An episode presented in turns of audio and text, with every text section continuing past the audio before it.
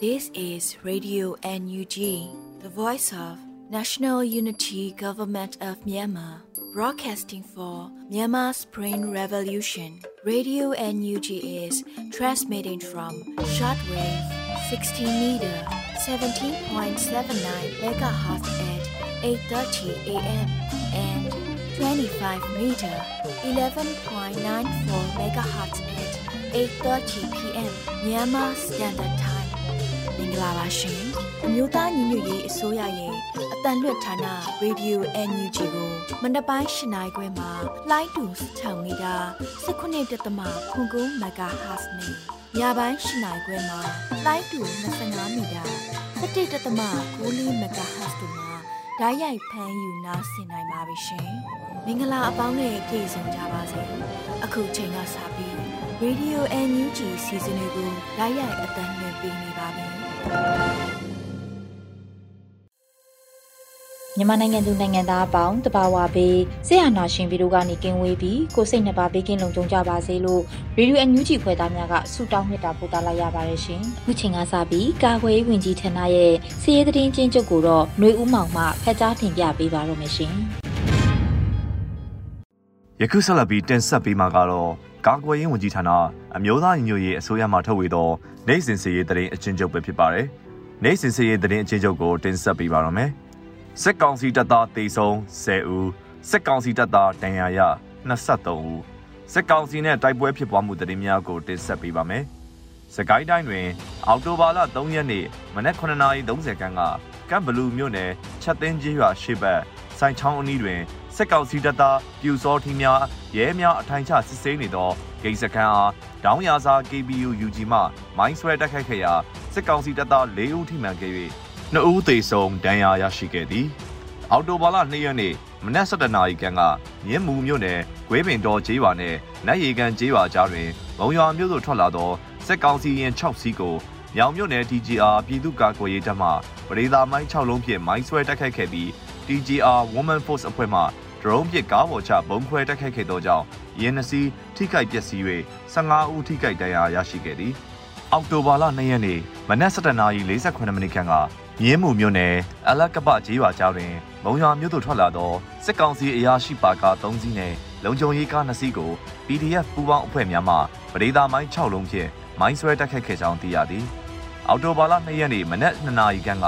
မုံရွာမြို့နယ်ညောင်ဖြူပင်ရဲစခန်းကိုပြည်သူ့ကာကွယ်ရေးတပ်မတော်ငင်းချန်ခရိုင်တပ်ရင်းအမှတ်3မြေလက် PDF တောင်းတာ7 People Defense Force Scorpion People Defense Force တို့မှပူးပေါင်း၍လက်နက်ကြီးလက်နက်ငယ်များဖြင့်ပစ်ခတ်တိုက်ခိုက်ခဲ့ရာစစ်ကောင်စီတပ်သား10ဦးသေဆုံး၍9ဦးပြစ်ထန်ဒဏ်ရာရခဲ့ကြောင်းသိရသည်ဆက်လက်ပြီးစစ်ကောင်စီကျူးလွန်သောရာဇဝတ်မှုများကိုတင်ဆက်ပေးပါမယ်။မွန်ပြည်နယ်တွင် အော်တိုဘာလ2ရက်နေ့6:30ခန်းကဘီလင်းမြို့နယ်ဘီလင်းမြို့ ဇုတ်တုတ်ကျေးရွာနေတားပွင့်ဦးနဲ့ဟိန်းစော်လက်တို့ရွာသား2ဦးကိုရဲများမှလာရောက်ဖမ်းဆီးသွားခဲ့သည်။ရခိုင်ပြည်နယ်တွင်အောက်တိုဘာ3ရက်နေ့မနက်10:30ခန်းကမြောက်ဦးမြို့နယ်မြောက်ဦးမြို့မဈေးတွင်ဈေးဆိုင်ဖွင့်ကရောင်းချနေသည့်အသက်65နှစ်ခန့်အရွယ်ဥပကျော်ကို၎င်း၏ဈေးဆိုင်တွင်စစ်ကောင်စီတပ်သားများကလာရောက်ဖမ်းဆီးသွားကြောင်းသိရသည်။မန္တလေးတိုင်းတွင်အောက်တိုဘာ3ရက်နေ့မနက်တနာရီ45မိနစ်ခန့်ကညောင်ဦးမြို့နယ်ငါတယောက်မြို့ဆယ်ရွာတွင်နေထိုင်သောဦးကျော်ဝင်း ညောင်ဦးခရိုင် NLD ပါတီဒုဥက္ကဋ္ဌအိမ်တို့စစ်ကောင်စီအိမ်စီကား3စီးဖြင့်အင်အား30ခန်းကအိမ်ချံဝန်းတကားကိုရိုက်ချိုး၍ဖျက်ဆီးဝင်ရောက်ခဲ့ပြီးအတူနေသမီးအားဓားထောက်၍ဖခင်အားခေါ်ဆောင်ခိုင်းကဖခင်ထွက်လာသောအခါတနက်ဖြစ်ချိန်ပြီးဖမ်းဆီးခေါ်ဆောင်ခဲ့သည်မနက်6နာရီခန့်တွင်ဖခင်ဖြစ်သူကိုရွာ၏အနောက်ဘက်ကပ်ရက်နေရာတွင်ရင်ဘတ်ဓားထိုးဒဏ်ရာနှစ်ချက်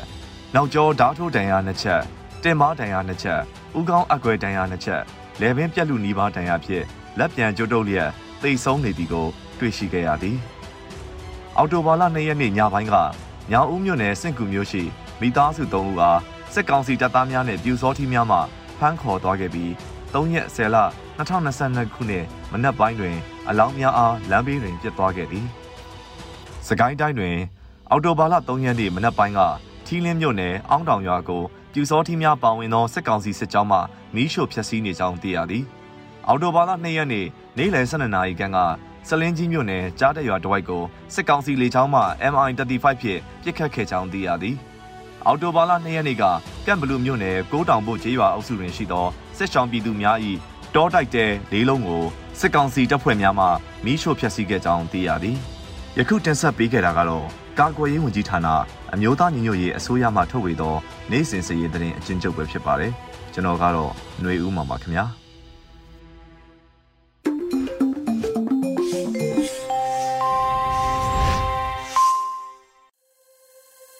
ရေဒီယိုအန်ယူဂျီမှာဆက်လက်တမ်းလွှင့်ပေးနေပါတယ်။အခုဆက်လက်ပြီးနောက်ဆုံးရသတင်းများကိုနှွေဦးမှုမှဖတ်ကြားတင်ပြပေးပါတော့မယ်ရှင်။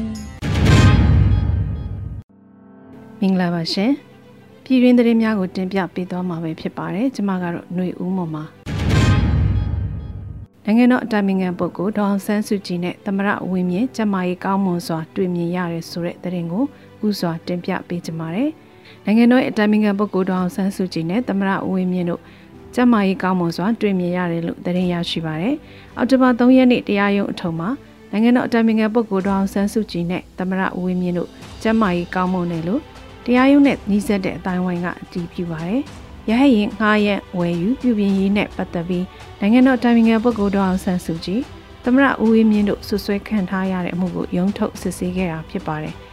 ဆိုပါမှုကိုနေပြည်တော်အချုပ်ထောင်တွင်းမှာသာစစ်ဆေးခြင်းဖြစ်ပြီးတော့အမှုနဲ့ပတ်သက်သူများကိုစစ်ဆေးခဲ့တယ်လို့သတင်းရရှိပါတယ်။သက်89နှစ်ရှိပြီဖြစ်တဲ့နိုင်ငံတော်အတိုင်ပင်ခံပုဂ္ဂိုလ်ဒေါအောင်ဆန်းစုကြည်ကိုဂျဖတ်စစ်တပ်ဟာ2021ခုနှစ်ဖေဖော်ဝါရီလရက်နေ့အာနာစတင်သိမ်းကလေးကဖမ်းဆီးထားတာဖြစ်ပါတယ်။လက်ရှိမှာအမှုများဆင်ပြီးဂျဖတ်စစ်အုပ်စုဟာအတိုင်ပင်ခံကိုထောင်နဲ့23နှစ်ချမှတ်ထားပါတယ်ရှင်။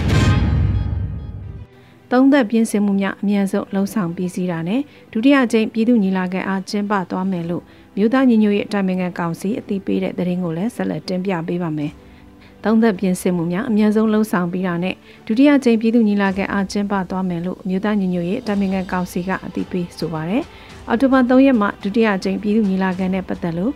မြို့သားညီညွတ်ရေးအတိုင်ပင်ခံကောင်စီ NUCC ကအသိပေးထုတ်ပြန်ပါတယ်။မြို့သားညီညွတ်ရေးအတိုင်ပင်ခံကောင်စီအနေနဲ့ Federal Democracy ပြည်ညင်ရာပြည်သူညီလာခံကို6လတကြိမ်ကျင်းပရမှာဖြစ်ပါတယ်။ထို့ကြောင့်ပထမအကြိမ်ပြည်သူညီလာခံကိုယခုနှစ်ဇန်နဝါရီလကကျင်းပခဲ့ပြီးမြို့ဒေါ်လာရေးတစုံလုံးအတွက်အရေးကြီးတဲ့အတည်ပြုချက်များရယူနိုင်ခဲ့တယ်လို့ဆိုပါတယ်။ဒုတိယအကြိမ်ပြည်သူညီလာခံကိုဇူလိုင်လအတွင်းကျင်းပရမှာဖြစ်ပေမဲ့နိုင်ငံရေးဖြစ်ထွန်းမှုဖြစ်စဉ်များအရာမြို့ဒေါ်လာရေးအားပုံမအားကောင်းလာစေဖို့အတွက်သုံးသက်ပြင်ဆင်မှုများလှုံ့ဆော်ရန်ရှိလာလို့ဒုတိယကြိမ်ပြည်သူညီလာခံကိုသတ်မှတ်ထားတဲ့အတိုင်း ကျင်းပရန်ခက်ခဲခဲ့ရတယ်လို့ထုတ်ပြန်ပါတယ်။တော်လိုင်းပုံမအားကောင်းလာစေရန်သုံးသက်ပြင်ဆင်မှုများအများဆုံးလှုံ့ဆော်ပြီးစီးတာနဲ့တပြိုင်နက်ဒုတိယကြိမ်ပြည်သူညီလာခံကိုကျင်းပသွားမယ်လို့မြို့သားညီညွတ်ရေးအတိုင်ပင်ခံကောင်စီကထပ်လောင်းဆိုထားပါတယ်ရှင်။ဆီယနာရှင်ကိုရက်ပေါင်း900ကျော်တဲ့အထိစန့်ကျင်ဆန္ဒပြခဲ့ကြတဲ့ Women Alliance ဘာမအဖွဲ့ကိုပြည်ထောင်စုဝန်ကြီးနော်ဆူဇနာလှလှဆိုကဂုံပြူပကြီးရေးဆွဲဂုံပြူတဲ့တရင်ကိုလည်းတင်ပြပေးပါမယ်။ဆီယနာရှင်ကိုရပ်ပေါင်း900ကျော်တဲ့အထိစန့်ကျင်ဆန္ဒပြခဲ့ကြတဲ့ Women Alliance ဘာမအဖွဲ့ကိုပြည်ထောင်စုဝန်ကြီးနော်ဆူဇနာလှလှဆိုကဂုံပြူပကြီးရေးဆွဲဂုံပြူခဲ့ပါတယ်။အော်တိုဘာ3ရက်နေ့မှာမြို့သားညီညွတ်ရေးအစိုးရမြို့သမီးလူငယ်နဲ့ကလေးတငယ်ရေးရဝန်ကြီးဌာနမှပြည်ထောင်စုဝန်ကြီးကအသိပေးဆိုပါတယ်။ Women Alliance Burma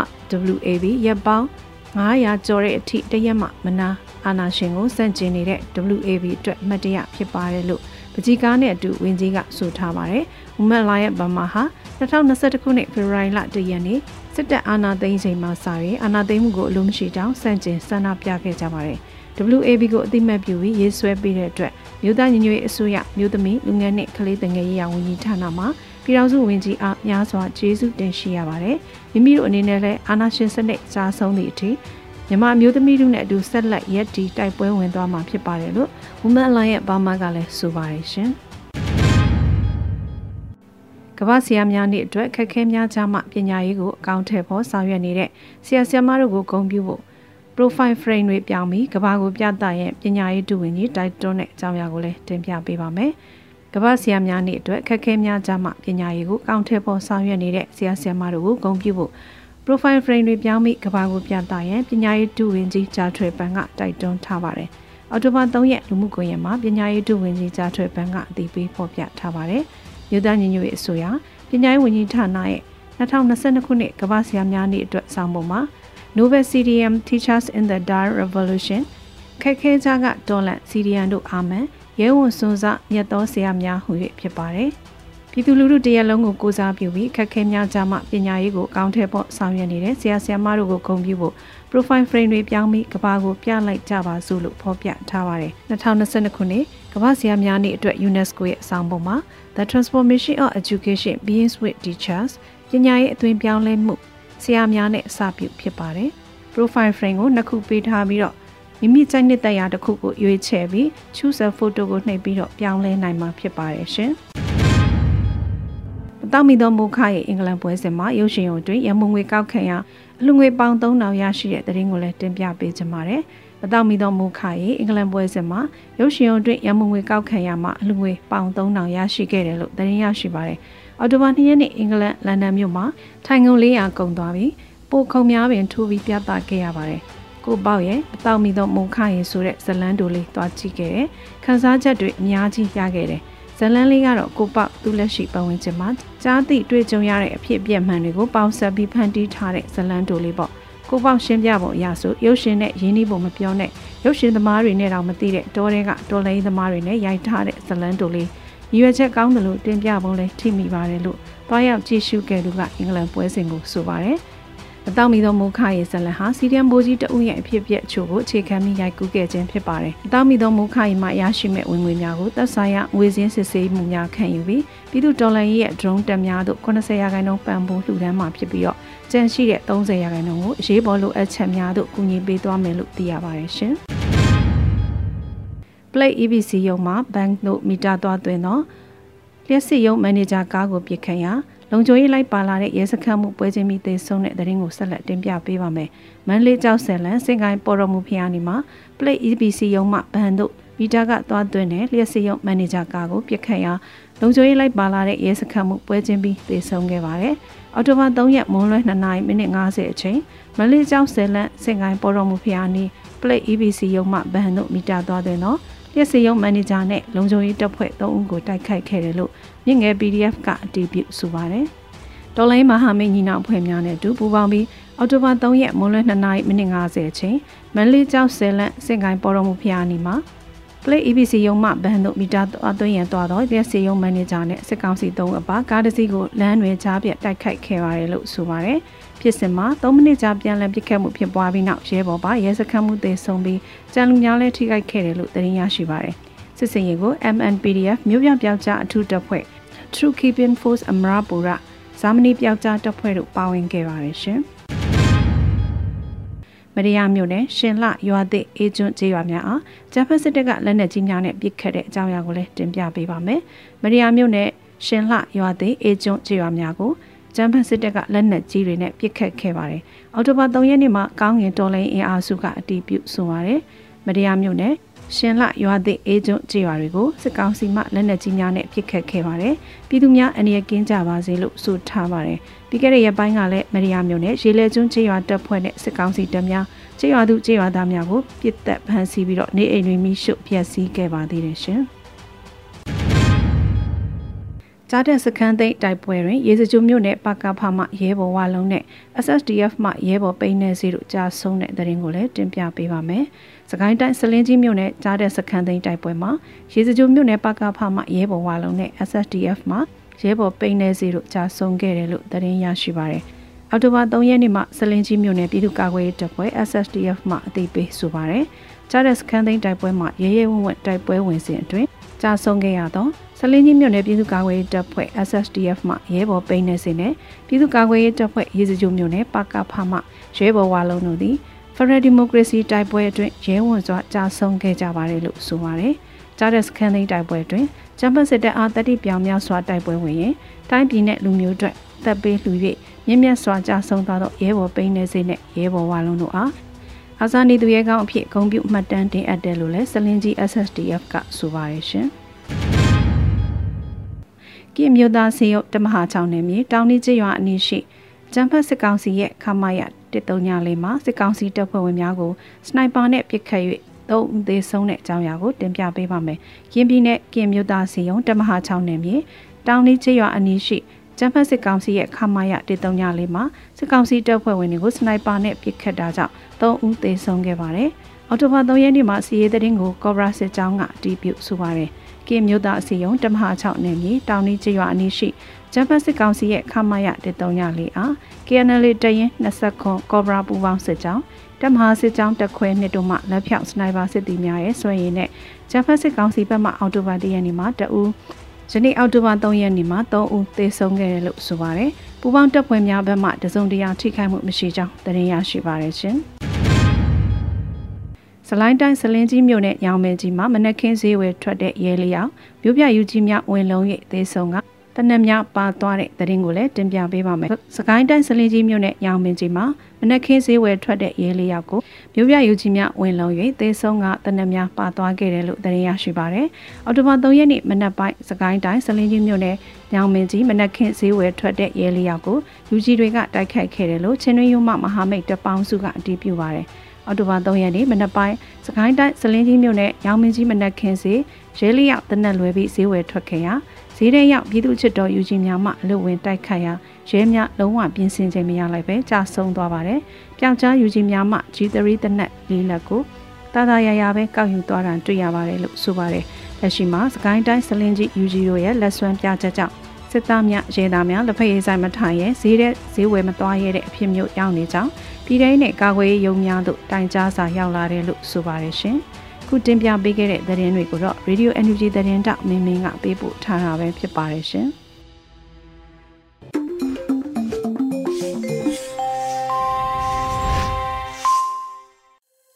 ရွရွညူချီမှာဆက်လက်တမ်းနေနေပါတယ်။ဒီနေ့ရဲ့တော်လိုင်းကပြာအစီအစဉ်မှာတော့ငါသာစစ်သားစစ်တယောက်ဖြစ်ခဲ့ရင်ဆိုတဲ့တော်လိုင်းကပြာကိုနေသွင်းနိုင်ရေးသားပြီးမျိုးဦးမှုခန်းစားရွတ်ဖက်ထားတာကိုနားဆင်ကြရတော့မှာဖြစ်ပါတယ်ရှင်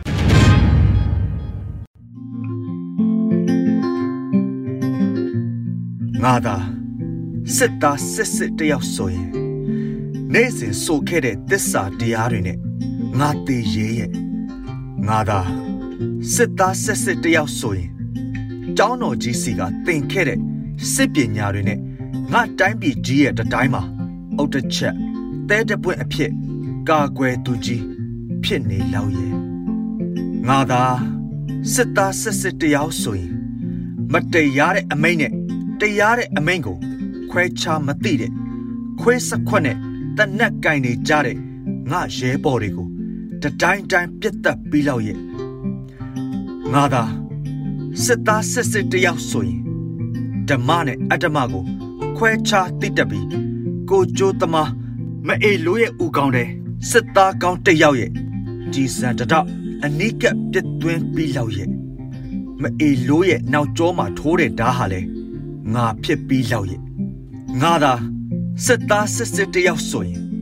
ပြည်သူအသက်ကိုငါမတတ်ပြည်သူစီးပွားမထိပါပြည်သူပစ္စည်းမဖြတ်စည်းတဲ့ရင်ကျေးတဲ့စစ်တီတို့ဟာ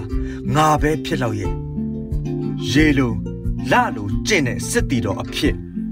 ရှက်ကြောပြက်နေတဲ့တက်ဆက်ဖောက်လောက်ကောင်တွေရဲ့ပခုံးသားအထက်ကကျဲပွင့်တွေကိုရီပွဲဖွဲ့ခြင်းရဲ့ငါဟာ တနက်ဖျားကိုပြည်သူပတ်မလှဲ့တတေပြက်နေတဲ့လူသက်သမားတွေရဲ့ကိုကြိုးစည်းဝါးမှာငါမနေငါဟာပြည်သူအတွက်ပွင့်တဲ့စစ်တီတော်အဖြစ်ဝန်စားပြီးလောက်ရဲ့ငါသာစစ်သားစစ်စစ်တယောက်ဆိုရင်ပြည်သူစီယိုမှာခွေးစိတ်ဝင်နေတဲ့မအေလိုးရဲ့အသက်ကိုချိတ်ပြီးပြည်သူနှလုံးကိုတင်ကြုံပြီးလောက်ရဲ့ငါသာစစ်သားစစ်စစ်တယောက်ဆိုရင် ငါအမေအိမ်ငါပြန်တဲ့အခါအမေသားကြီးဟဲဆိုပြီးအမေကန်းတဲ့တပြေပန်းတဲ့ဂုံတိတ်ခါဆိုတာကိုငါလက်ပြနဲ့ငါဖွင့်ဆိုပြီးလောက်ရဲ့ငါသာစစ်သားစစ်စစ်တယောက်ဆိုရင်လေနေတွင်နိုင်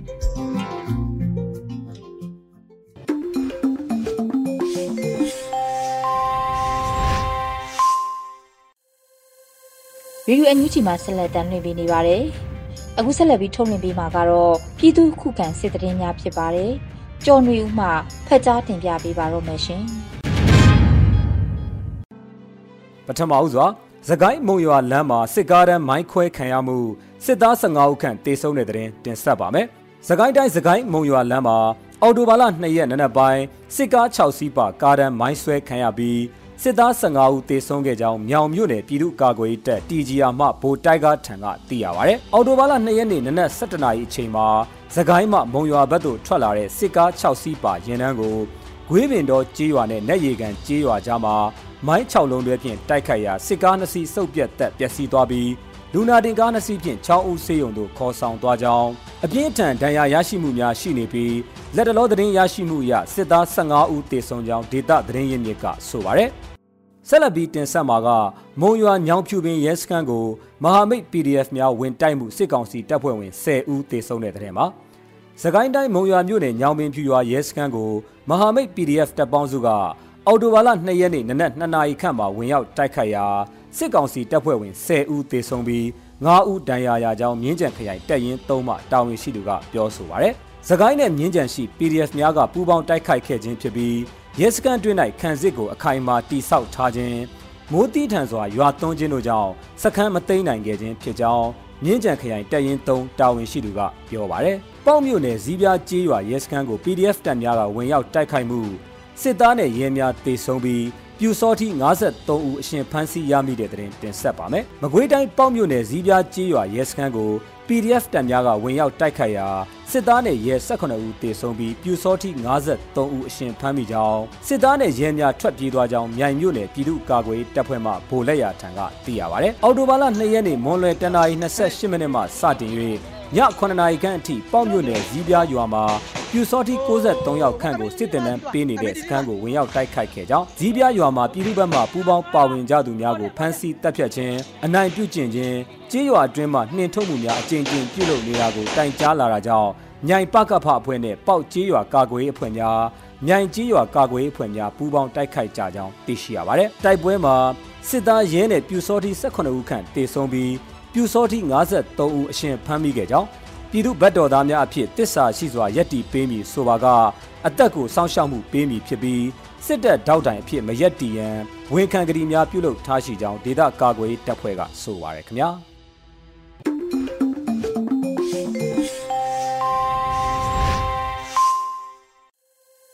ရီယူညူချီမှာဆက်လက်တန်လွင့်ပေးနေပါတယ်။ဒီနေ့ရဲ့ဒေါ်လင်းတီဂီတာစီစဉ်မှာတော့ PRFM စောင်းဖြစ်တဲ့တေးရေးစစ်နိုင်တေးဆူညီညီရဲ့တော်လှန်ရေးတီဂီတာကိုနားဆင်ကြရတော့မှာဖြစ်ပါတယ်ရှင်။င်း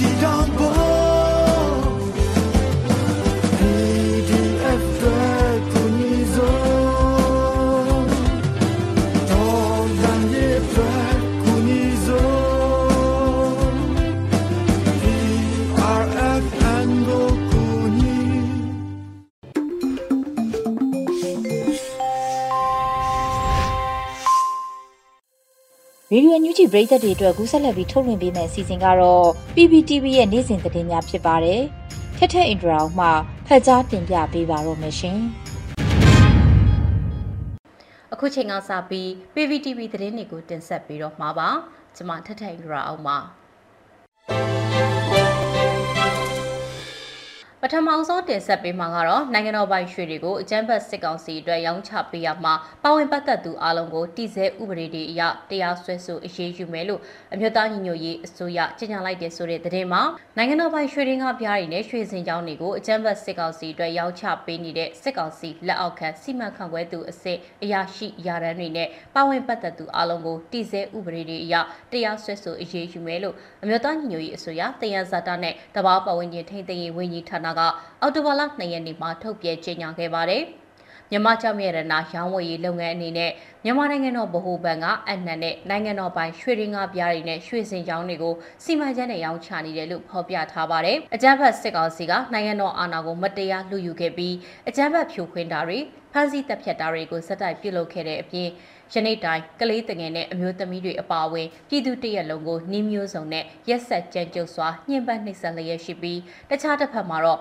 ပြည်သူကိုတပ်ဖြတ်နေတဲ့အကြမ်းဖက်စစ်ကောင်စီအတွက်လိုအပ်နေတဲ့ငွေကြေးတွေကိုလောက်ခံနမ်စီဒီယဝန်ထမ်းတွေကနိုင်ငံတော်ပိုင်ပစ္စည်းတွေကိုရောင်းချကရှောက်ဖွေပေးလျက်ရှိနေတယ်လို့ဖော်ပြထားပါတယ်။အဲ့ဒီအတွက်နိုင်ငံတော်ပိုင်ရွှေတွေရောင်းချတဲ့စီမံချက်မှာပါဝင်တဲ့အကြမ်းဖက်စစ်ကောင်စီလက်အောက်ခံမြန်မာနိုင်ငံတော်ဗဟိုဘဏ်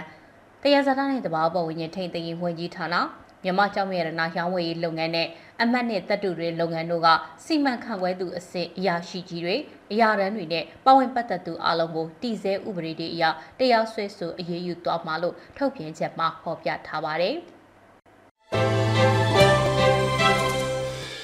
ဆရာတင်ဆက်ပေးမှာကတော့ KNU တထုံခရိုင်တပ်မဟာတစ်ကပုံရန်သူကိုချေမှုန်းဖို့အတွက်တော်လန်ရေးဖွဲ့25ဘွဲကိုမိဖက်တော်လန်ရေးတပ်ပေါင်းစုဖြစ်ဖွဲ့စည်းလိုက်တဲ့ဆိုတဲ့သတင်းမှာ KNU တထုံခရိုင်တပ်မဟာတစ်ကပုံရန်သူဖြစ်တဲ့အကြမ်းဖက်စစ်တပ်ကိုချေမှုန်းဖို့တော်လန်ရေးအဖွဲ့25ဘွဲကိုတပေါင်းနဲ့အဖြစ်မိဖက်တော်လန်ရေးတပ်ပေါင်းစုဖြစ်ဖွဲ့စည်းလိုက်တယ်လို့ကြေညာလိုက်ပါတယ်။ တမဟာတရဲ့မိဖက်ရေးရာကြီးကြပ်ကော်ကဲမှုကော်မတီတတိယအကြိမ်မျက်နှာစုံကြီးအစည်းအဝေးကိုစက်တင်ဘာလ22ရက်ကနေ24ရက်နေ့ထိပြုလုပ်ခဲ့ပြီးတက်ရောက်လာတဲ့အဖွဲ့အစည်းခေါင်းဆောင်တွေတာဝန်ခံတွေနဲ့မိဖက်တွေက